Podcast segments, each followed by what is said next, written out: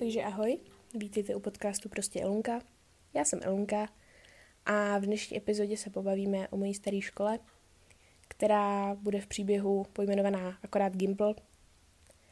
A budou se tam vyskytovat dvě postavy, teda víc, ale budu se bavit hlavně o dvou postavách, eh, které nazvu A a B, protože jsem se jich neptala, jestli jsou v pohodě s tím, abych je zmínila. Ani s jednou z nich už nejsem v kontaktu. A nechtělo se mi jít jako za jejich zády a prostě zmínit jejich jména. Takže se budete muset smířit s tím, že to prostě budou A a B. Ze začátku bych chtěla dát trigger warnings. Pobavíme se o sebevraždě, o sebepoškozování, o anorexii, o vydírání a o psychice obecně. Takže to asi není úplně příběh pro lehčí povahy. Takže tak. A myslím si, že se na to rovnou můžeme vrhnout.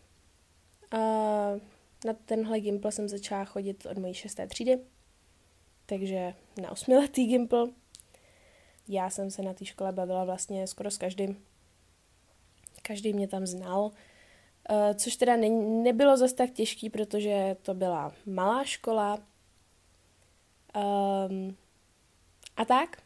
A měla jsem jednu spolužečku A, eh, která právě jsem se s ní docela jako bavila, ale nebylo to tak, že bychom byli jako kamarádky nějak velký. Jenom jsme se čas od času bavili. A Ono se vlastně vědělo, že se A sebe poškozuje a že má nějaký problémky. Ale nikdo to vlastně úplně tolik neřešil, nebo ne, že bych věděla o tom, že by se to nějak řešilo extrémně. Vlastně až do té doby, než se jednou o hodině matematiky pokusila o sebevraždu a si vzala nějaký prášky a, a tak. A vlastně přišlo se na to, až tehdy, kdy se holčina dlouho nevracela na hodinu matematiky, jak už jsem zmínila, tak učitelka vyslala její nejlepší kamarádku jí zkontrolovat, jestli je v pořádku nebo není. A vlastně nejlepší kamarádka um, viděla jenom, že zvrací. Hnedka byla zavolaná záchranka, vypumpovali a žaludek a vlastně jí poslali na jibku, tam strávila asi týden, myslím. A potom ji vlastně přesunuli do blázince za pokus o sebevraždu. Na to ji jibce jsem jí byla navštívit. Byla jsem jí navštívit s mojí tehdejší nejlepší kamarádkou B. A vlastně jsme se začali hodně bavit od té doby. Že jsme si psali v podstatě každý den, jak já s A, tak B s A. A po nějaký době jsem vlastně zjistila, že A naučila B se sebe poškozovat. Eh, B se začala sebe poškozovat mezi prsty, aby se na to nepřišlo, ale mě to řekla, jakožto její nejlepší kamarádce. Um, nebyla jsem z toho úplně nadšená, to je jasný. A donutila jsem, jsem jí uh, vlastně si A zablokovat, přičemž to pro ní bylo strašně těžký a B si ji několikrát zase odblokovala. Ale to vlastně není až tak důležitý pro tenhle příběh. Důležitější pak je, že po té skutečnosti, že ji zavřeli do blázince, už nesměla mít telefon, ale její spolubydlící telefon měla a A toho využila tím, že se vlastně vždycky přihlásila na svůj Instagram přes tý spolubydlící telefon a psala B a mě. Psali jsme si hodně často a vlastně A nám sdělila, že, že to udělá znova. Že jakmile se dostane ven, tak to udělá znova a tentokrát si jí to povede. No a my dvě, B i já, jsme z toho byli vlastně hodně, hodně vyděšený. Takže jsme nevěděli úplně, jak s tím naložit nebo co s tím dělat. A šli jsme za mojí tehdejší třídní učitelkou, která byla právě i třídní učitelkou A a řekli jsme jí to.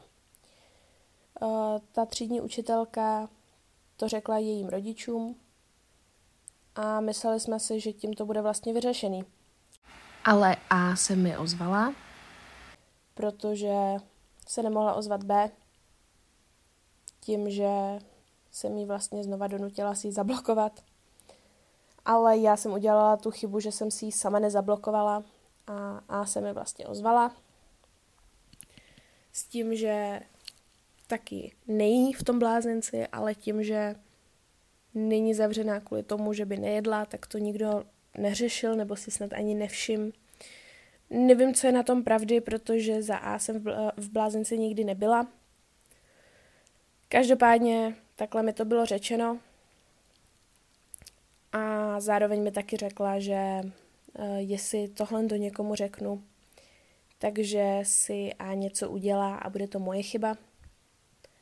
A já jakožto 13-letá holčina, která nevěděla nic, tak jsem tomu naivně věřila. Věřila jsem tomu, že když někomu něco o tom řeknu, tak, um, tak A třeba umře a bude to prostě moje chyba.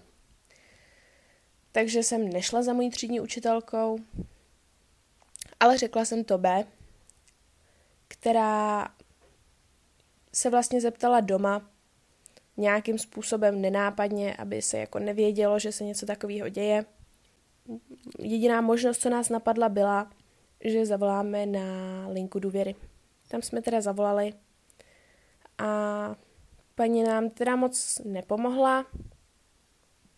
Vlastně nám řekla, že by to moje chyba nebyla vůbec, kdyby si A něco udělala a že to musíme někomu říct. Upřímně mě to tak strašně traumatizovalo, že už si moc nepamatuju, co se vlastně dělo potom, jestli jsme to nakonec někomu řekli nebo neřekli. Ale věc, co nám paní z linky důvěry poradila, byla, že si ji máme zablokovat obě, což jsme udělali. Ale ještě předtím, než já jsem to stihla udělat, tak mi A řekla větu, eh, která ve mně zůstala navždycky. Myslím si, že se ty věty už nikdy nezbavím. A to, že eh, když se člověk řeže, tak vlastně s tou fyzickou bolestí odchází i trochu té psychické.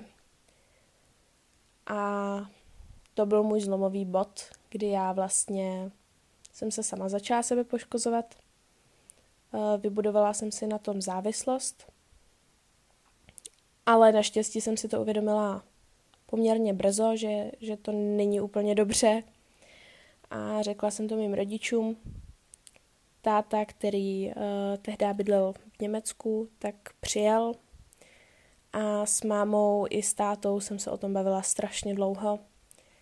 A bylo to vlastně poprvé, kdy jsem viděla, jakým lámu srdce. Byl to nejhorší pocit, co jsem zažila do té doby. A jestli tu mám někoho, kdo přemýšlí o tom, že se začne sebe poškozovat, tak když už nic jiného, berte jako důvod to nedělat to, že dřív nebo později to prostě se vaši rodiče dozvědí a zlomí jim to srdíčko.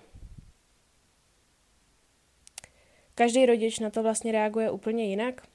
Bylo to hezky vidět na mých rodičích, kdy máma, která pracuje ve zdravotnictví a pracuje hodně s psychologama a tak, začala hnedka vlastně řešit, k komu začnu chodit, abych si tohle vyřešila. Přičemž táta mi furt kladl nějaké otázky, snažil se to nehorázně moc pochopit. Nedávno jsem se o tomhle vlastně bavila s mámou a máma říkala, že to vlastně bylo trochu jinak, ale takhle si to pamatuju já, Což je vlastně další důvod, proč nikdy v životě nikdo s tím nezačínejte, protože vás to traumatizuje tak moc, že můžete zapomenout hodně věcí. Um, já si vlastně ze spousty období mýho dětství moc nepamatuju tím, že jsem byla traumatizovaná. Takže tak.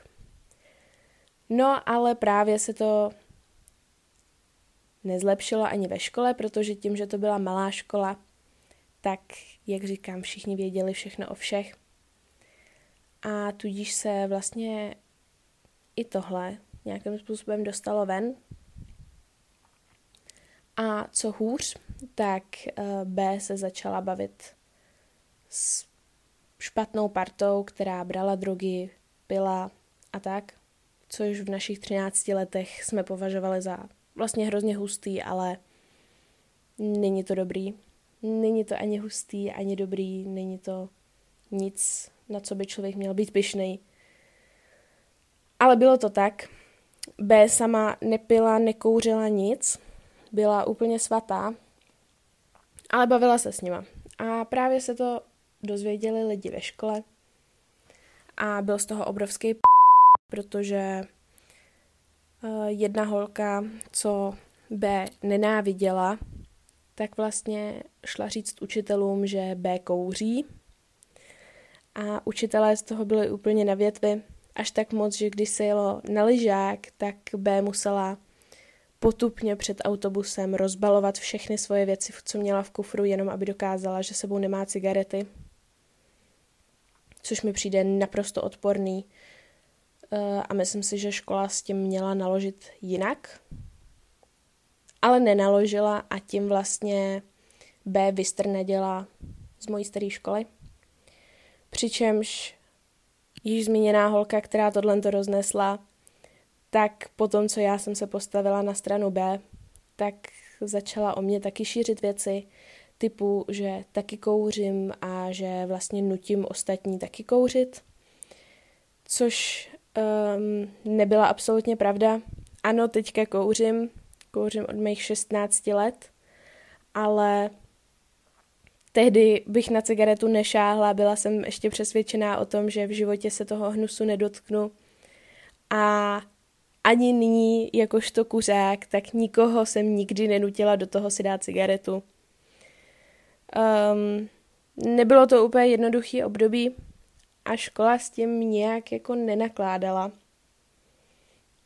Ale to vlastně ještě není úplně všechno. Um, mně se potom rozjeli psychické problémy, které byly hodně podporovaný um, tím podnebím, co na té škole bylo a začala se mít panické ataky. Mám mimo jiný úzkosti, mám uh, úzkostnou poruchu a tudíž mám i panické záchvaty a úzkostné uh, ataky a tohle. A ze začátku to bylo hrozně fajn a vlastně až do konce některý učitelé naprosto podrželi, byli úžasní. Tady tímhle chci dát shoutout všem mým angličtinářům, protože ty byly vždycky naprosto úžasný. Doteďka mi strašně chybějí, ale zbytek uh, ne až tak moc. Vlastně se to o mě vědělo, protože se vědělo všechno o všech. A od té doby, co se právě na tohle to všechno přišlo, tak jsem byla konceptem nebo tématem diskuze i na všech učitelských jako schůzích Zkráceně řečeno, furt se o mě mluvilo a mně to nebylo vůbec komfortní. Jediný, s kým jsem vlastně víc nějak o svých problémech mluvila, eh, byli právě dva angličtináři. Eh, jedna z nich se mnou seděla na záchodech snad dvě hodiny, i když měla vyučování, aby mě uklidnila, protože jsem měla silný záchvat a nemohla jsem nic, nemohla jsem stát, nemohla jsem dýchat, nemohla jsem nic. Dala mi i e, číslo na sebe, aby kdyby cokoliv, abych ji mohla vždycky zavolat. A druhý pan učitel angličtiny, který vždycky mi pomohl najít nějaké pozitivum na mém dnu. Každý den se mě ptal, jak se mám, já jsem se ho každý den ptala zpátky. A On byl jeden z mála lidí na té škole, komu jsem odpovídala upřímně. A jakmile jsem řekla, že špatně, tak se mnou probral moji náladu do té doby, než jsem nenašla něco pozitivního. Tím chci vlastně jenom ukázat, že ta škola nebyla celá špatná, vůbec ne. Vím, že to takhle z toho příběhu zní, ale vůbec ne. Byli tam skvělí lidi některý. Ale ne všichni a bohužel ty negativa hodně hodně, hodně převažovaly ty pozitiva. Což byl vlastně i důvod, proč, když jsem zjistila, že jsem neudělala reparát, proč jsem se rozhodla neopakovat na mojí škole, i když mi to bylo nabízeno, ale radši jsem odešla jinam. A o té nové škole se vlastně pobavíme v příští epizodě, ale zpátky k mojí staré. Ani spolužáci vlastně všichni nebyli úplně ideální. Eh, samozřejmě jsem tam měla spoustu přátel a myslím si, že jsem vychytala docela dobrý kolektiv, ale zase se mi stala prostě věc, co se mnou zůstane navždycky. Což je právě vlastně vždycky hrozný, když máte tyhle ty věci. Tyhle ty úplně detaily, které s váma zůstanou navždycky. Protože vám to změní úplně pohled na celou situaci. Já jsem si myslela, jak je ta škola úplně dokonalá, úžasná. No to není úplně pravda, já jsem bojovala celých sedm let za to, abych mohla odejít, ale dalo se to přežít takhle. A od té doby, co, co mi byla řečena tahle věta, nebo ne vlastně ani mě, ale co byla vyřčena tahle věta, tak uh, jsem začala bojovat o to víc, abych nemusela už na té škole být.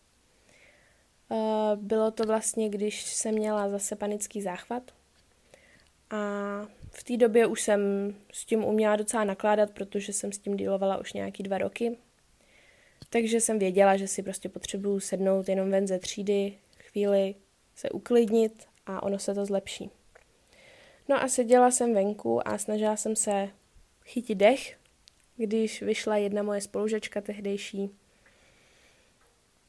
která vlastně mě viděla, ani mi nic neřekla a otočila se a zařvala přes celou třídu na moji tehdejší dobrou kamarádku ve třídě. Hele, Ela má záchvat, běž jí pomoct to byl bod, který mě vlastně hrozně zlomil, protože jsem se cítila hrozně bezmocná. Cítila jsem se jako, že jsem na obtíž a cítila jsem se jako, že jsem chudinka. Což já vlastně hrozně nenávidím. Já jsem člověk, který miluje být postavený sám na sebe a nepotřebovat nikoho ale v tomhle momentě jsem se cítila zlomeně. Tohle byl moment, kdy jsem věděla, že na té škole už nevydržím. A to bylo ještě asi tak dva roky předtím, než jsem odešla, nebo rok. Takže, takže tak. A další mini příběh ze školy je vlastně, když jsem se zranila, na což bude taky epizoda, jak se mi to stalo, co se mi vlastně stalo ale fakt je, byla jsem zraněná, mám zraněnou nohu. Ještě do teďka nemůžu chodit na tělesnou výchovu, nemůžu uh, provozovat sporty a ve fitku můžu cvičit jenom horní tělo.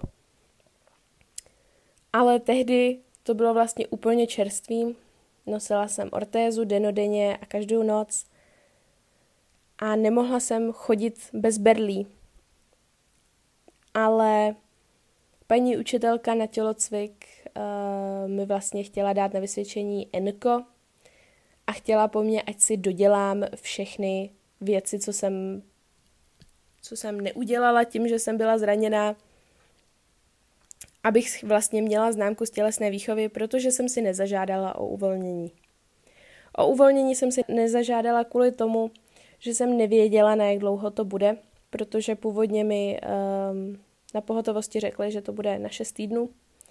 Už to budou pomalu dva roky a stále noha není v pořádku, takže e, já jsem doopravdy nevěděla, jak dlouho moje zranění bude trvat, takže jsem si nemohla zažádat o uvolnění, protože jestli jste si někdo někdy žádal o uvolnění, tak víte, že tam musíte napsat, dokdy to uvolnění platí.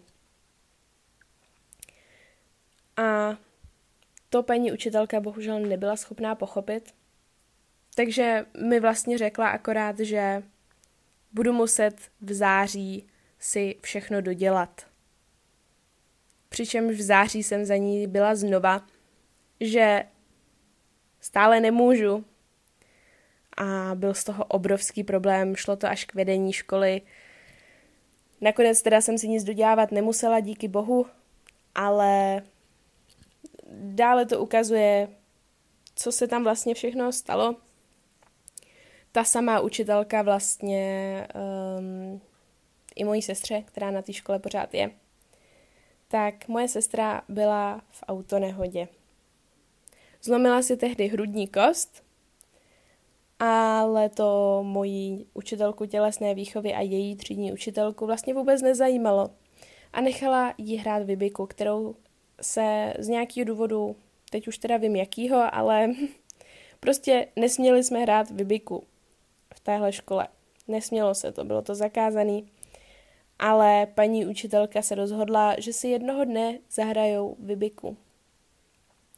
No a moje sestru samozřejmě uhodili do hrudi, která se jí stále léčila z té autonehody. Takže tak. A místo toho, aby zavolala mojí mámě, který se teda hrozně bála, protože tahle ta učitelka vlastně nebyla nikdy skvělá a nikdy v životě jsme spolu neměli dobrý vztah, protože v terci mě bodyshamovala, bodyshamovala i mojí spolužačku, která eh, o tom vlastně ani doteďka neví a nikdy jsem jí to neřekla a nikdy jí to neřeknu. Každopádně tak.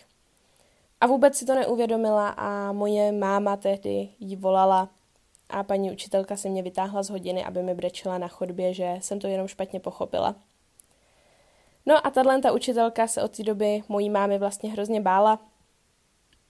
A když se zranila sestra na tělesné výchově, tak paní učitelka odmítla zavolat mojí mámě, jak by měla, a místo toho donutila moji sestru napsat mě, že jí mám doprovodit domů. V té chvíli já už jsem ale dávno nebyla ve škole, já jsem něco měla, nepamatuju si přesně co. Každopádně jsem nebyla ani poblíž školy, ani poblíž domu, nebyla jsem, eh, neměla jsem prostě tu možnost ji vyzvednout. A vlastně takže paní učitelka poslala moji sestru samotnou domů.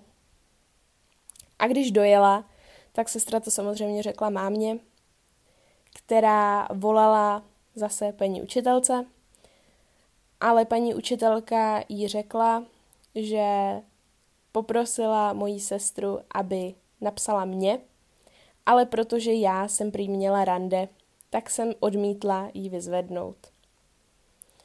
Za prvé, rande jsem neměla. Za druhé, i kdybych rande měla, tak když se dítě zraní, nezletilý, tak je její povinnost zavolat rodiči a ne obvolávat sourozence e, dané osoby. Takže to na mámu absolutně neplatí. A přesně to ukazuje, jaký typ člověka tahle paní učitelka je. Takže proč já vlastně o téhle škole mluvím? Nebojte se, pokud jste na špatné škole, jako je tahle, zvládnete to, vydržíte to. Já jsem to vydržela sedm let, zvládnete to, už, už táhnete do finiše. A jestli ne, neudělejte reparát a opakujte jinde. tak jsem to udělala já. Není to úplně nejlepší možnost, kterou si můžete vybrat, ale je to možnost. Um, to je pro dnešní epizodu všechno.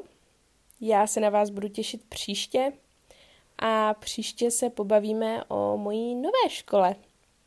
Takže ahoj! thank you